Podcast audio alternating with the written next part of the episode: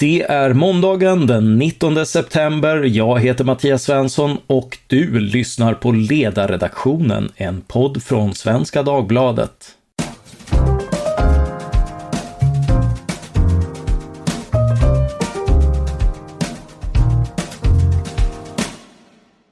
Dagens ämne är hur kreativ förstörelse format Sverige. Med mig för att diskutera detta har jag Jan Jörnmark, författare, föreläsare och docent i ekonomisk historia, som är aktuell med fotoboken och industrihistoriken Övergivna platser, finalen. Välkommen Jan! Tack! Du har besökt nedlagda gruvor och pappersbruk, raserade fastighetsimperier, dammiga arkiv och fuktfläckade flotta kontor. Monument över platser som tiden och människorna har sprungit ifrån. Hur uppstår ett sådant intresse? Intresset uppstod ju ganska självklart egentligen. Jag, menar, jag, jag utbildade mig till ekonom och sen doktorerade jag i det här lite udda ämnet ekonomisk historia. Eh, därför jag tyckte att det, var, eh, det gav en annan empiri än nationalekonomi gjorde. Eh, jag hade ju växt upp med kriserna i Värmland på 60 och 70-tal och jag tyckte att det där gav mig en möjlighet att förstå det jag hade hört om under hela min uppväxt egentligen.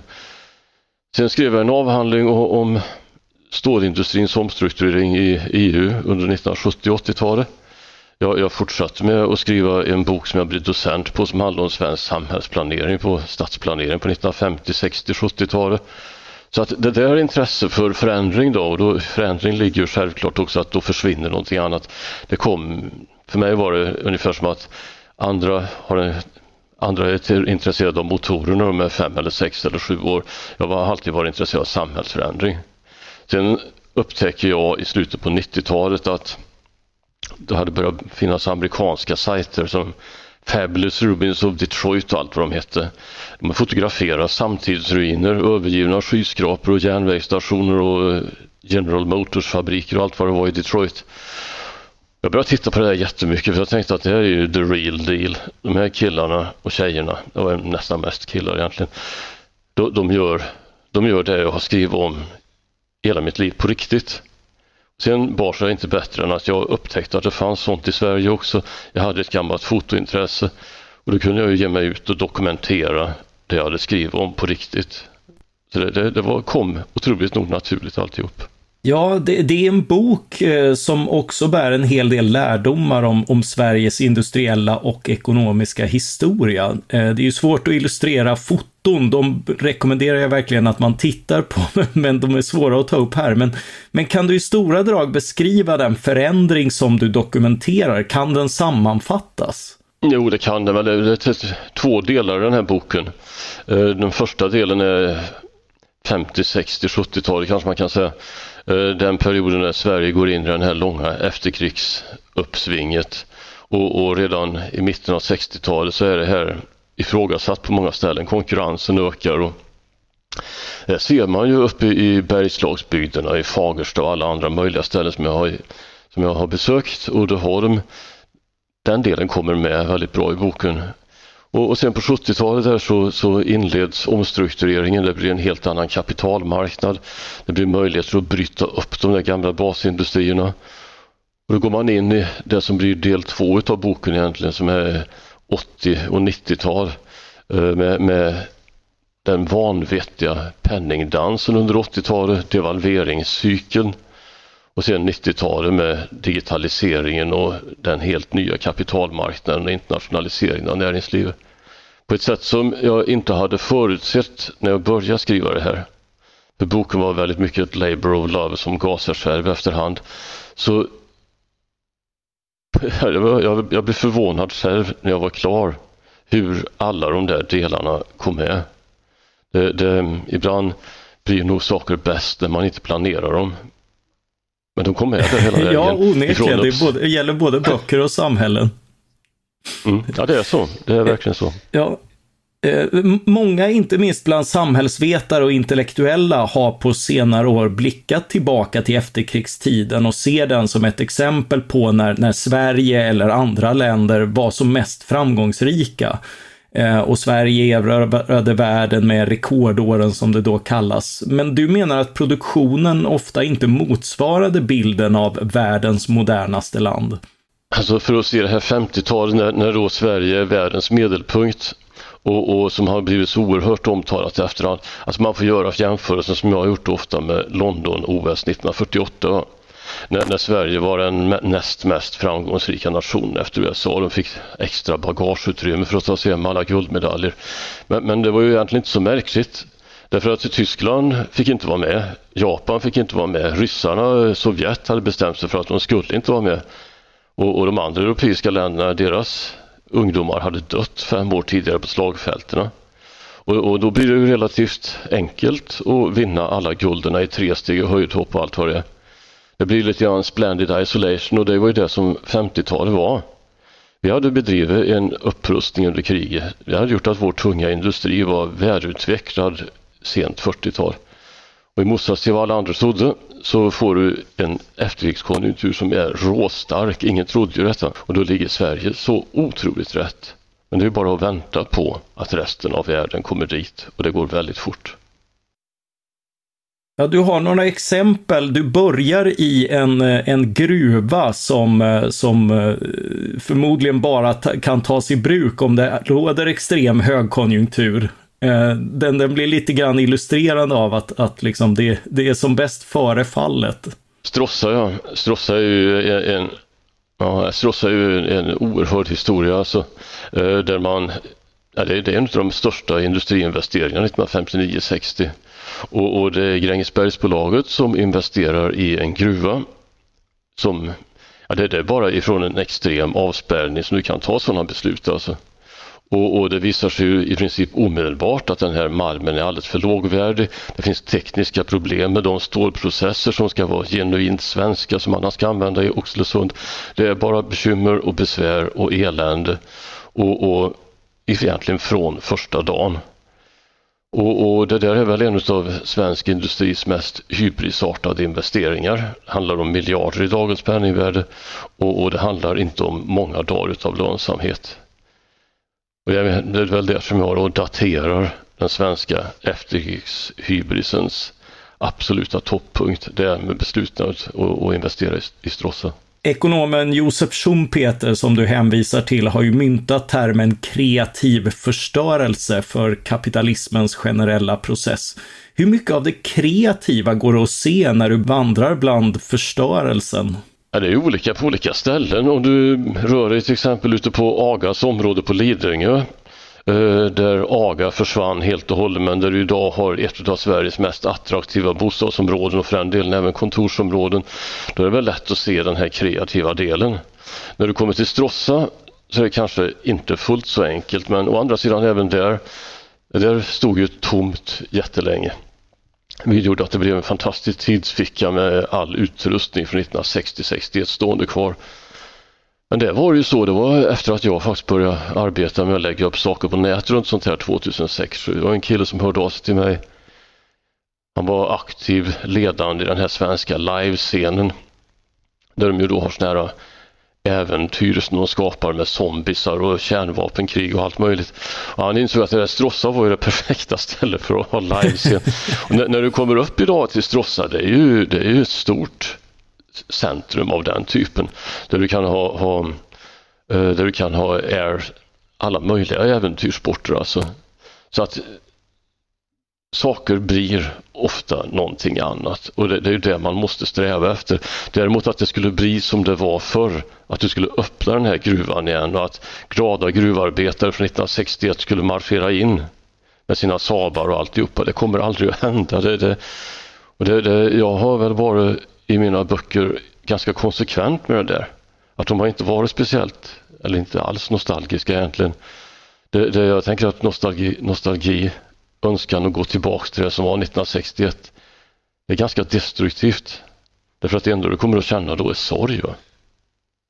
Ja, men är det inte ändå vemodigt och sorgligt att så konkret uppmärksamma platser som en gång skjudit av liv och aktivitet och som nu står övergivna och förfaller? Jag brukar säga att hade jag varit en, en riktig nostalgiker så hade jag ju aldrig klarat av att göra det här. Eh, därför att då hade jag ju vandrat, vandra gråtande genom hela västvärlden. Jag har varit i Europa, Amerika och jag, jag tänker på det jag gör som att av någon anledning så har jag väl något känslomässigt fel då som gör att jag kan iaktta det här och tycka det är intressant. Jag har gjort jämförelser med att om en kirurg skulle bli gråtfärdig varje gång han såg en, en cancer som han måste ta bort så skulle han inte kunna arbeta. Och, och, i det här yrket som jag valde en gång i tiden, bli analytisk ekonom, möjlighet att se då de processerna, det har ju varit en förmån. Sen är det klart att jag kan känna när jag kommer upp till Bergslagen som jag gjorde när jag arbetade med en serie som gick i Dagens Industri här i somras. Det är klart att när jag ser det där och jag kan se något som nästan liknar hopplöshet och det ska inte behöva vara hopplöshet, man måste kunna gå vidare. Att jag kan känna mig ledsen, genuint ledsen. Men det du får göra då det är att ta någon form av, tänker jag, kan låta pretentiöst, då får du ta någon form av samhällsansvar eller ja, då får du skriva vad det är och så får du försöka att ge en väg framåt också. Men att gå runt där och gråta i Hällefors och Filipstad kommer ju ingen bli gladare av att jag gör. Nej, möjligen kulturskribenter, men eh, det finns så många andra som gör det. vid, vid ett tillfälle är du snarare glad över att förstörelsen dragit fram och att fukten fläckar ett tidigare ståtligt företagskontor på det som var AGA på Lidingö. Vadan denna entusiasm? Ja, någonstans så är du ju alltid värmlänning. och, och då, då, hade ju, det det finns ju med ett annat kapitel och, och det får ju vara evigt tacksam till Björn Gillberg att han gav mig möjligheten att gå in i Uddeholms gamla huvudkontor. Det, det, jo, AGA är ju klassiskt då, därför att Värmlands stora kronjuvel, Uddeholmsbolaget, som jag fick lära mig när jag gick i högstadiet och gymnasiet att det här kunde aldrig gå under för det var Värmlands alla skogar och all kraft och ja, det var allting som fanns i landskapet. Ja, man hade samlat allt på ett ställe och borde ju ha kontroll över processen då. Ja, det hade man inte riktigt. Det, det, framförallt var det stålverksdelen som gick utmärkt, utomordentligt dåligt. Och det gjorde att företaget blev värderat till träsknivå på börsen. Och då säger legenden som ska vara sann att Anders Wall och tre av hans affärskompanjoner de skulle ta ett privatplan över till New York och, för att förströ tiden här så skulle allihopa läsa balansräkningar och sen skulle de ge varandra varsin lapp när de kom fram. Vad var det mest undervärderade företaget? När de kom fram så att alla skriver Uddeholm. Och sen var det bara att starta, de köpte upp ett gammalt oljebolag i Piteå tror jag det var, som hette Tresor och det här Tresor blev skaret då, som man använde för att köpa Uddeholmsaktier. Och, och, när det här var en process 85 som mötte en del motstånd i näringsliv så kom AGA in också. Och det blev till slut AGA som fick stå för hela övertaget utav Uddeholm. Och, och där AGAs mycket skickliga företagsledning, för det var skickligt det hela, det är ingenting att säga om det. Och Uddeholms delar kom ju att leva vidare sen under andra ägare. Men det blev ju AGAs företagsledning, AGA, som kom och splittrade upp företaget. Skickade iväg det till österrikiska ägare och allt möjligt sånt. Och AGA använde det där för att investera i en framgångsrik gasverksamhet, absolut. Men sen så möter ju AGA samma öde här. Det är Linde som kommer in och det är dags för AGA att globaliseras på allvar. Och, och ja, jag kommer upp i styrelserummet förfallet. Han rasade ner böcker och väggar och man hade någon, någon lustig, lustig prydnadsgrej där som var anderna skulle jag tro. Där hade lamadjuren ramlat omkull. Det var som att en jordbävning hade träffat alltihopa. Det är klart som värmlänning kan du känna att ja, men nu, slog, nu slog globaliseringen till här också. Nu fick de sitt straff. Det känns ju lite grann som, som att jubla över att zombies åt upp grannfamiljen först. Ja, men, men det är ändå en kreativ process du, du beskriver. Att, eh, vad, vad, är, vad är fördelen för oss i, i den här utvecklingen? Ja, den fördel som för Uddeholm var ju definitivt att de som kom in och investerade i Hagfors och Munkfors Eh, de gjorde ett väldigt bra arbete. Stålverksamheterna där, det är färre anställda men de är i bra skick och pappersverksamheten nere i, i Skoghall, samma sak där. Va? Så att det blev ju, de delarna som splittrades upp blev ju livskraftiga enheter.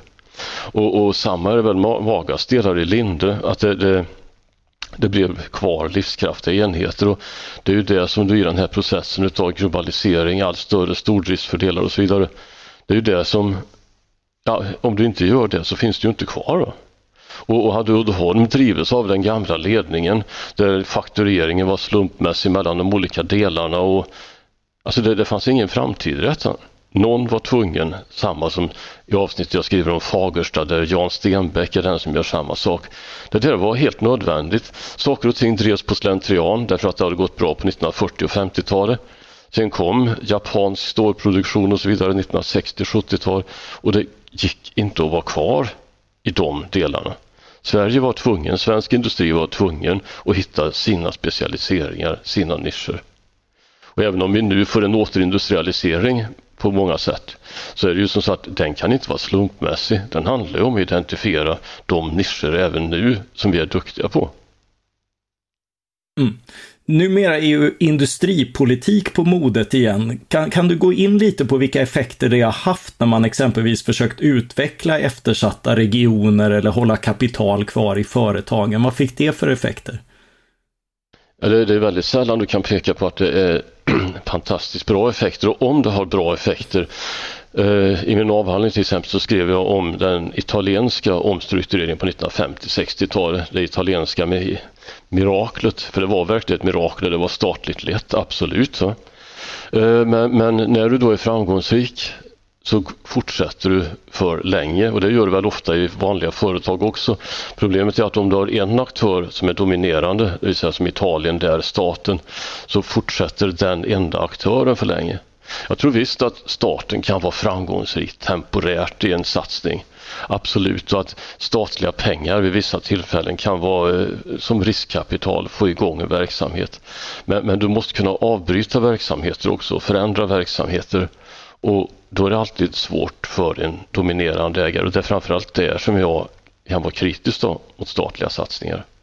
Det är samma med den svenska bostadspolitiken som länge var så extremt statligt dominerad med statliga lån och så vidare. Och där du alldeles för länge på 1970-talet och sen början på 1990-talet fortsätter på samma sätt. Ja, du har några exantra ex exempel med, med hur man försöker bedriva, hur, hur vi drev bilfabriker eh, genom att eh, bygga, bygga fabriker där, där politiken tyckte att det behövdes. Eh, Volvo i Göteborg var väl ett sådant exempel. Ja, Volvo i Kalmar och Uddevalla är ju klassiska sådana varianter ja. och Saab i Malmö. Det, det är ju det, det, det, fantastiskt nog så fick jag ju med det också i boken som jag sa. Det var aldrig meningen att den skulle bli så heltäckande. På något märkligt sätt så täckte man in de här delarna. Vilket, sen... Volvo och Saab, satsningarna i Kalmar, Uddevalla och Malmö är ju precis det. De är ironiska också. Volvo bygger 1960-64 det som då var kanske Västeuropas allra mest effektiva bilfabrik i Torslanda. Där du kan producera 200 000 bilar nästan per år. Va? Vilket är den idealiska amerikanska storleken som Volvo tar över. Sen går det fram till 1971-72 och då bygger man en mycket, mycket mindre fabrik i Kalmar. Det vill säga man kör utvecklingen baklänges och varför då? Jo därför att då finns det statliga investeringsfonder och allt möjligt sånt. Det finns regionalpolitik. Man har problem borta i Kalmar med, med ja, det är grasriket och alltihopa det där som är på väg att... Så man stöttar in Volvo där i Kalmar och sen fortsätter det där på 80-talet. Det finns statliga investeringsfonder kallas det för. Det innebär att företag måste avsätta halva vinsten för att få den skattefri till investeringsfonder och så sker jättelika frisläpp ifrån de där. Och det är då när Volvo bygger i Uddevalla och Saab bygger i Malmö. Och det ska ju då ersätta varven.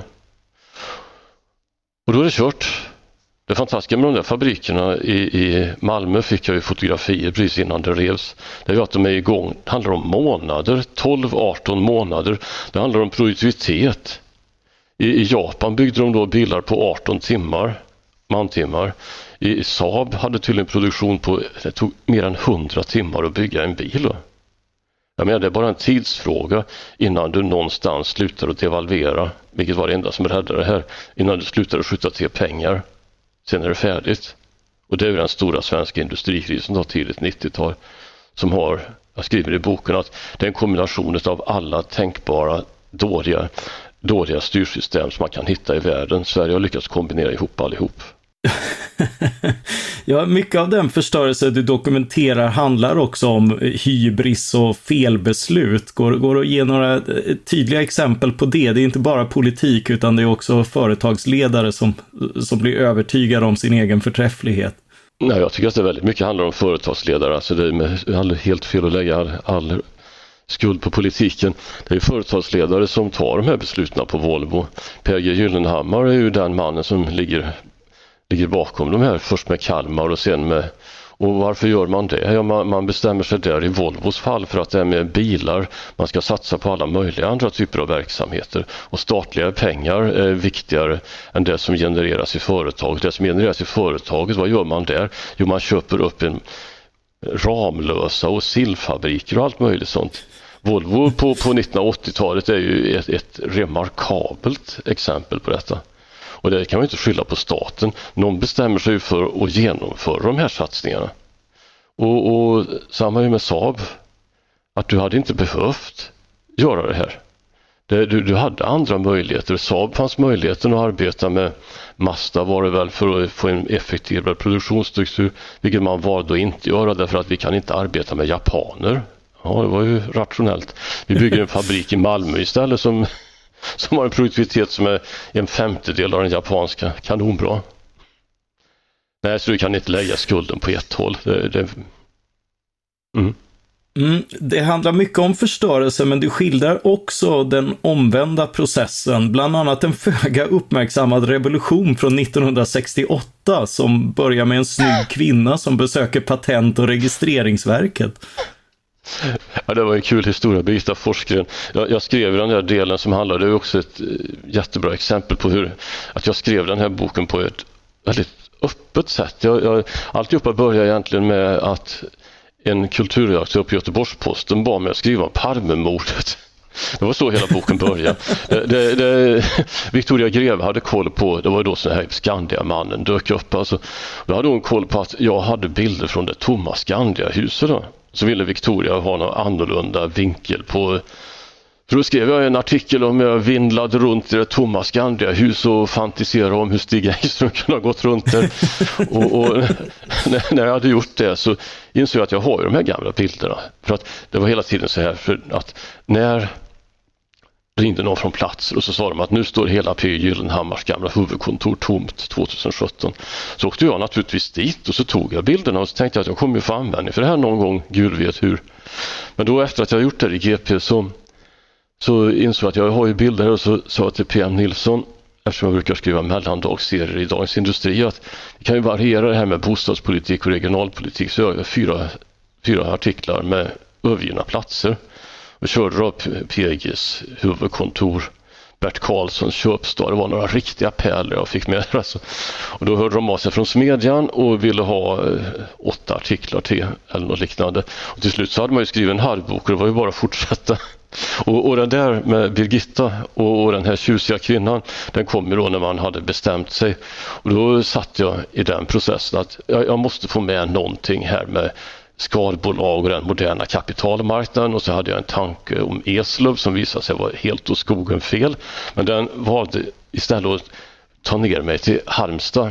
En fantastisk affär där när man splittrade upp Nissa Ströms bruk och kraft och, och en, en, kapital, en grupp av unga kapitalmän tjänade 100 miljoner i dagens penningvärde. Och då, det som hade betydelse där det var att en av de här Forsgren, Olof Forsgren, han och hans fru Birgitta, de var civilekonom båda två. De hade skrivit en bok 1967-68 som heter Vem äger vad i svenskt näringsliv? En, en makalös tegelsten. De hade varit i Amerika och så hade de insett hur viktigt det var att veta om du skulle placera pengar, hur ägandet såg ut. Och, och jag skrev om det där om Vem äger vad och den här affären. Fast jag tog inte med Birgitta där. För jag insåg när jag skrev det hela att det hade inte gått så bra för Olof. Och, och, jag tänkte att jag eh, ska inte plåga någon. Men när jag skriver det här så om Nissa Ström så är det ju någon, det är väl du då, som skriver en kort grej i Svenska Dagbladet om att det här finns och detta ser ju det här Birgitta. Och hon hör av sig till mig och det är ju fantastiskt roligt. Och, och jag träffar henne sen i en magnifik lägenhet på Karlaplan. Det hade gått jättebra för henne kan man säga. I motsats till fru Olof. Och då fick jag hela den här historien om hur hon hade skrivit Vem äger vad och, och eh, bakgrunden till dem, hur hon var i Amerika och intresset för ägandet. Och för att få ihop det där, det var ju långt innan det här med, med digitalisering. Utan det, det, var ju då här springande på Patent och registreringsverket. Och det är bara att tänka på vad de, vad, vad de kan ha tänkt där på PRV när den här jättesnygga unga kvinnan springer upp och ner på stegar och måste ha det. Sen så kommer, sen kommer Väger vad ut hösten 1968. Otroligt nog blir detta en bestseller. Och det, det är ju naturligtvis landets mäklarkontor och, och banker. Och det är lite ironiskt också. Det är ju också en del av boken. Att det är året 1968, revolutionsåret. Så här, två av landets absoluta bästsäljare, Vem äger vad i svenskt näringsliv? Och Sara Lidmans gruva.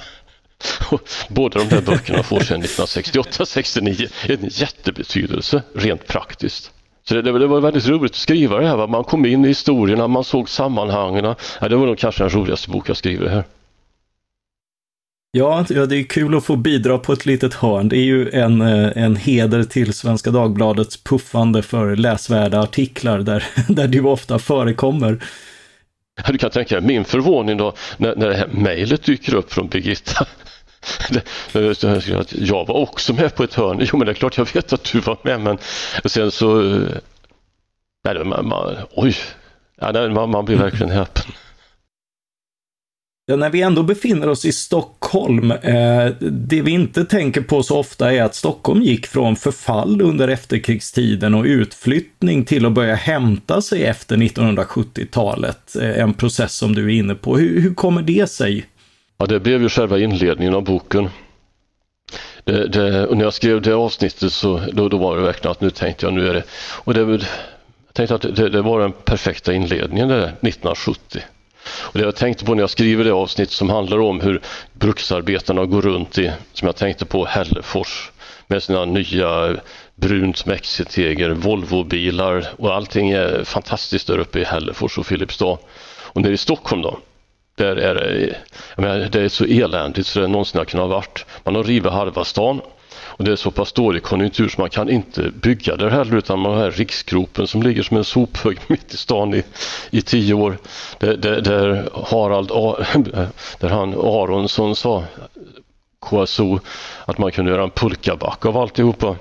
Det, det, Stockholm befinner sig och där ute på Östermalm. Utförsbacken. Ja, där de här fashionabla fastigheterna på Skeppargatan hyser bordeller och bastuklubbar och de går för absolut ingenting. Alltså det, det är en sån, 50 år senare, allting är totalt förändrat. Du kan köpa halva innerstan i Hällefors eller Filipstad för tre stycken paradlägenheter på, på Östermalm. Det, det, är, det, det är tveklöst den största svenska samhälls, samtidsförändringen. Och, och, knyter man an till valet som var här nu då för en vecka sedan så, så kan vi se den precis den klyvningen där, där, den delen av Sverige den som uppenbart var den som drog fram Sverigedemokraterna och till den majoriteten som blev medan man i Stockholm röstar på ett helt annat sätt. Det är en klyvning, en demografisk förändring som jag tyckte att det var den perfekta stället att börja boken helt enkelt. Behöver de varandra? Alltså, behövde, be, beror Stockholms växt på att, eh, på att industrin kraschade eller, eller är det två processer som hade kunnat pågå samtidigt? Det, det, det, hänger ju samman och jag tycker jag skriver om det i boken också. Den här moderna kapitalmarknaden kommer och den centreras i Stockholm på ett helt naturligt sätt. Och, och den kapitalmarknaden, jag menar, de här affärerna som pågår i Bergslagen och omstrukturering, det är från Stockholm som allt det här kommer så förutsätter de är ju beroende av varandra. Och det är klart att det är ett problem för Sverige. Om Bergslagen och bruksbygden, vilket har varit en olycklig tendens de sista 20 åren, blir, för det blir den inte i verkligheten, men den har en tendens att betraktas som överflödig. Så är det inte. Och det är skulle jag säga 20-talets och 30-talets ett av de stora projekten. Ja, vi behöver hantera, vi behöver göra utanförskapsområdena i städerna bättre. Men vi behöver sannoliken hitta en väg framåt för den gamla bruksbygden också. Och det där kan jag ångra, jag borde ha skrivit lite mer om det i boken. Men jag såg betydelsen av det verkligen under försommaren här när jag var uppe i Bergslagen under en ganska lång tid och skrev en lång serie om det också. Ja, vad skulle kunna vara en väg framåt? Ja, det, det jag tyckte mig se när jag var i Filipstad och Hällefors och andra delar i maj, juni här, det, det är ju alltså att har tillstött faktorer nu på slutet, framförallt den sociala dumpningen och de här lägenheterna som byggdes på 60-70-talet som är överflödiga, de är nu så förfallna som man river på olika håll och kanter. Det, det som slog mig det var jag har varit mycket i Tyskland och följt det som har pågått i Tyskland de sista 20 åren också. Eh, det är ju att när DDR föll ihop så startade förbundsrepubliken något de kallar för Stadt, Umbau och Ost. Det vill säga en systematisk omstrukturering om de gamla östtyska städerna som hade förlorat miljoner i befolkning. Och, och, man kan ha synpunkter på det men det har varit relativt lyckat trots allt och det har gjort att de städerna inte har det här Hoyersvärd och allt vad de heter, sönderslagna intrycket som du idag får i mycket av de svenska bruksbygderna. Och det har också gjort att de gamla östtyska staderna har inte fått som affärsidé, vilket tyvärr många av de här kommunerna fick i Bergslagen, affärsidén att man låter de tomma lägenheterna ta emot migranter år efter år. Och sen så visar det sig att det här är en mycket illa lyckad idé. Därför att det kommer att påverka ditt skolsystem negativt. Det kommer att påverka din, dina sociala kostnader negativt. Det kommer att skapa naturligtvis motsättningar mellan etniska svenskar och, och, och, och migranter och så vidare. Och det där har man undvikit betydligt mer i förbundsrepubliken genom Stadtumbau Jag tänker att det är någonting sånt vi behöver. Då kan du göra de här orterna mer attraktiva också. Och då kan du i, jag har kamrater som är industrialister som har fabriker i Torsby, Årjäng och liknande och de pratar om hur väl de fungerar. Eh, inte minst därför att de arbeten som finns där, de är ju eftertraktade. Så, så i en sån process som vi onekligen har nu så är det här tillgångar. Det är mycket lättare planprocesser om du ska starta upp någonting i Hällefors eller Årjäng eller Filipstad än om du ska göra det i, södra Sverige eller i, i storstadsområdena. Så det finns fördelar och vi måste använda dem. Det har varit för mycket av den här förstörelsen, det behövs mycket mer av kreativitet. Vad jag for efter lite grann med Stockholmsfrågan var, var just det här att, att det, det stagnerade på grund av, av, av liksom rätt hårda regleringar. Att det, att det inte gjordes några investeringar i, i bostadsbestånden och sådär. var lite grann inte bara ett konjunkturfenomen utan också ett, ett regleringsfenomen, men att det släppte därefter. Jag skulle säga att det var ju egentligen du har rätt i det med att det var ju regleringsfenomen till 90 procent det handlade om. Du fick en hyresreglering 1942 som frös hyrorna på den nivån. Eh, det innebär då till exempel att, för att ta Göteborg som exempel, när jag kom till Göteborg sent 70-tal, du fick en etta i ett centralt läge här för 90 spänn i månaden, 500 i vårt penningvärde.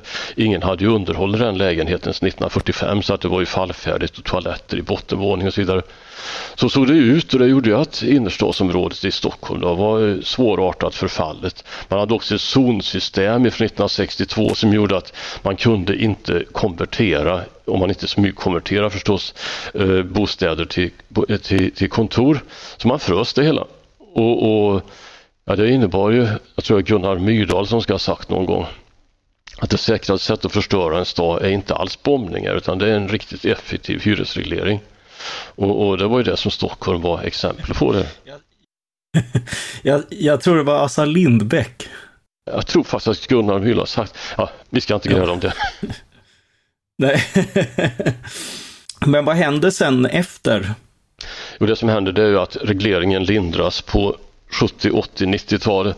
Och, och det otroliga var ju att det, det var inte bara hyrorna som var reglerade utan även överlåtelsepriserna på bostadsrätter var reglerade. Och för den delen var till och med villamarknaderna reglerade. Och villorna och bostadsrätterna släpptes 1970. Det gjorde dels till att man byggde en fantastisk massa villor ute på ängarna i Bålsta och sånt där. Va? Men det gjorde också att man fick igång en början på en fungerande bostadsrättsmarknad. Och det innebar att föreningar tog över sina hus och när man då gjorde det med fria bostadsrättspriser så lönade det sig att investera. Det där kommer igång långsamt under 70 80-talet. Men sen så den stora den stora skattereformen 90 och avsubventioneringen sen och övergången till ett låginflationssamhälle det skapar sen då och samtidigt så har man kvar en hård hyresreglering med bruksvärdena. Det skapar en massiv övergång sen till bostadsrätter på 90-talet och det där sker ju också i hög grad Eh, genom att privata fastighetsägare säljer eftersom lönsamheten är så dålig i hyresrätterna. Och det gör ju att du får en fantastisk marknad för bostadsrättsombildningar och, och när det sker så investeras det oerhört. Eh, då stiger priserna. När priserna stiger och då sker det här som kallas för gentrifiering, att yngre människor flyttar in, yngre människor med barn. I ett normalt område då, Östermalm eller Linné här i Göteborg, så ökar befolkningen utan att du bygger någonting nytt egentligen, med 20-30 procent därför att det blir fler ett par med två stycken yngre människor plus barn som bor i en lägenhet istället för att det är en, en 80-årig kvinna som bor där ensam till låg hyra. Så befolkningen tätnar, den får högre inkomster, men där får du kaféer, alltihopa det som Richard Florida pratade om, kaféer och ett nytt handelsliv och allting sånt. Och det, det sker liksom i ett trollslag nästan, över en 10, 15, 20 års period. Och när det är gjort så är det ingen som tänker på hur såg det ut här 1985? Framförallt om någon kommer ihåg hur det såg ut 1985 när det var förfallet, för då var fortfarande förfallet omfattande, så blir det något romantiskt över förfallet också. Att då var det jättetrevligt, ja, då snubblar man över över halvdöda människor kors och så. Nej, det blir en enorm förändring. Den sker då samtidigt som den moderna kapitalmarknaden bryter igenom och så, som den moderna mediemarknaden bryter igenom. Det här som är Jan Stenbeck och, och Stenhammar och så vidare. Det här nya som dyker upp i Stockholm parallellt med en helt ny bostadsmarknad. Och helt plötsligt är Stockholm det hippaste som går att hitta. Ja, det såg vi inte komma. Nej, det var ju inte det. Men det var ju samma. Vi, vi i Göteborg blir ju rätt mycket efter. Jag såg det här. Jag såg det på det sättet att alla ens kompisar försvann till Stockholm på 80-talet. Det var bara jag som blev kvar här. Jag satt och läste ekonomisk historia med, med, med historiematerialister och marxister.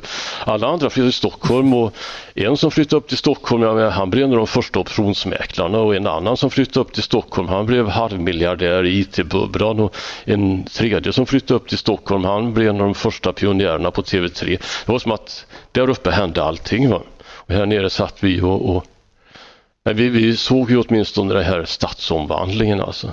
Och den var ju samma sak. Det fanns ju ingen människa som, menar, när man köpte sina första lägenheter här i stan, de gav ju bort dem.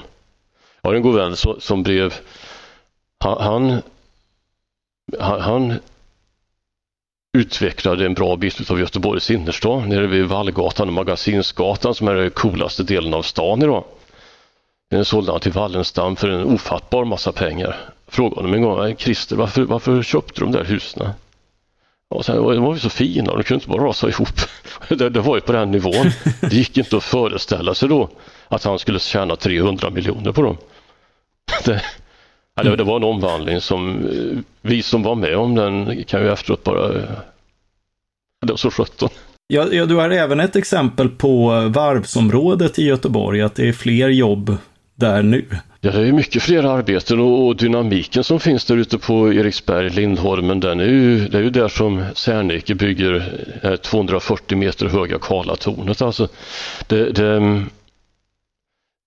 ja, nej, men så är det ju. Det, det, Götaverken och jag fick ju förmånen, jag hade tur gång efter annan när, när sista delen av Götaverken skulle bort den här 250 meter långa dockan. Jag hade en kompis som var den som höll den här aktionen, internetaktionen. Så, så, så ringde Ola och sa att nu ska de ta bort dockan. Så jag tog mig ut och fotograferade inifrån den här dockan. Och det var till råga på allt också den enda fina dagen våren 2016 så det vart ju kanonbilder alltså. Så jag fick den där historien och, och, om varven och, och, jag var uppe i en kran här i förra veckan och gjorde en film också om detta. Jag faktiskt hamnade i den sista kranen komplett med, med tidningar liggande 20 år gamla. Uh, nej men, ja det försvinner. Men där har vi ju den här skapande delen också. När, när alltihopa står tomt på gamla Götaverken. Brandkåren använder det som ett ställe där de håller på att öva på bränder. Det, det är då som Ericsson här i stan befinner sig i stark expansion. Eh, första mobilrevolutionen 97-98 och, och, de tänker egentligen flytta ut till det här nya jättelika industriområdet nere i Åbro eller kommunikationsområdet i Åbro ska man säga. Men, men då, de får då i ett Göran Johanssons stora insats för Göteborg skulle jag säga tillgång till Lindholmen. Och de bygger upp Ericsson och sen blir det här verkligen ett centrum för ny kunskapsindustri i Göteborg. Nu har vi sånt som Einride och de här elektrifierade lastbilarna och alltihop självkörande. Det är där uppe, där ute som allting händer idag. Och, och mitt i alltihopa bygger en 250 meter hög skyskrapa. Det är ju ingen som hade trott det, men det är ett jättebra exempel på det här skapande delen. Ja, och, och, i framgången slutar det ändå ofta med förstörelse, om inte förr så senare. Du skildrar fastighetskrascher och nöjesland. Se, ser vi en ny sorts förstörelse på senare år? Alltså det, det ligger ju i kapitalismens natur. Det, det, det, det är ju det som var Schumpeters stora insikt. Kapitalismen drivs framåt genom förändring, genom nya produktionsfunktioner där du kan producera annorlunda, mer effektivt, billigare och så vidare. Och då, då innebär det att då försvinner ju någonting annat. Och, och jag, jag, minns ju fortfarande vilken revelation det var för mig när, när jag insåg Schumpeters storhet någon gång i slutet på 1980-talet, mitten av 80-talet när jag höll på och skulle börja med min avhandling. Att ja, men så är det ju. Jag menar, du, du har jämvikt på marknader och allt möjligt sånt. Men vad kapitalismen drivs framåt av det är ju icke-jämvikten när någon producerar på ett annorlunda sätt. När du gör det, när, när, Henry Ford börjar bygga bilar efter löpande band effektivt så att var och en kan köpa sig en bil. menar, då, då kommer järnvägens konkurrenssituation att försämras rätt rejält naturligtvis. Och då kommer du att få lägga ner järnvägar och järnvägsstationer och alltihopa sånt där. Det, det, är, det är och det kommer alltid att vara kapitalismens natur, att det är så den fungerar. Du skriver mot slutet av boken ah, i en sammanfattning, den närsynta självbelåtenheten har sannolikt varit Sveriges allra största problem under hela det senaste halvseklet. Vad menar du med det? Så är det väl egentligen för alla framgångsrika företag eller nationer och så vidare. Det finns en tendens att det smyger sig in en väldig självbelåtenhet. Det här har gått väldigt bra väldigt länge. Så kan vi fortsätta att göra för alltid. Och, och det, har varit, det, har, menar, det finns det i Norge också, det finns det i Tyskland som lägger ner alla sina kärnkraftverk utan att tänka framåt. Men, men, det är lika bra att uppmärksamma den här delen. Alltså, det har blivit så många myter om hur fantastiska vi var fram till 1963 eller något liknande. Och, och det fanns problem redan då. Och genom att bara överbetona allting som var bra och hur alla var jättelyckliga när de gick till fabriken med sin unika box och vann sina silvermedaljer i fotbolls-VM och så vidare. Det blir en, en ganska löjlig historia.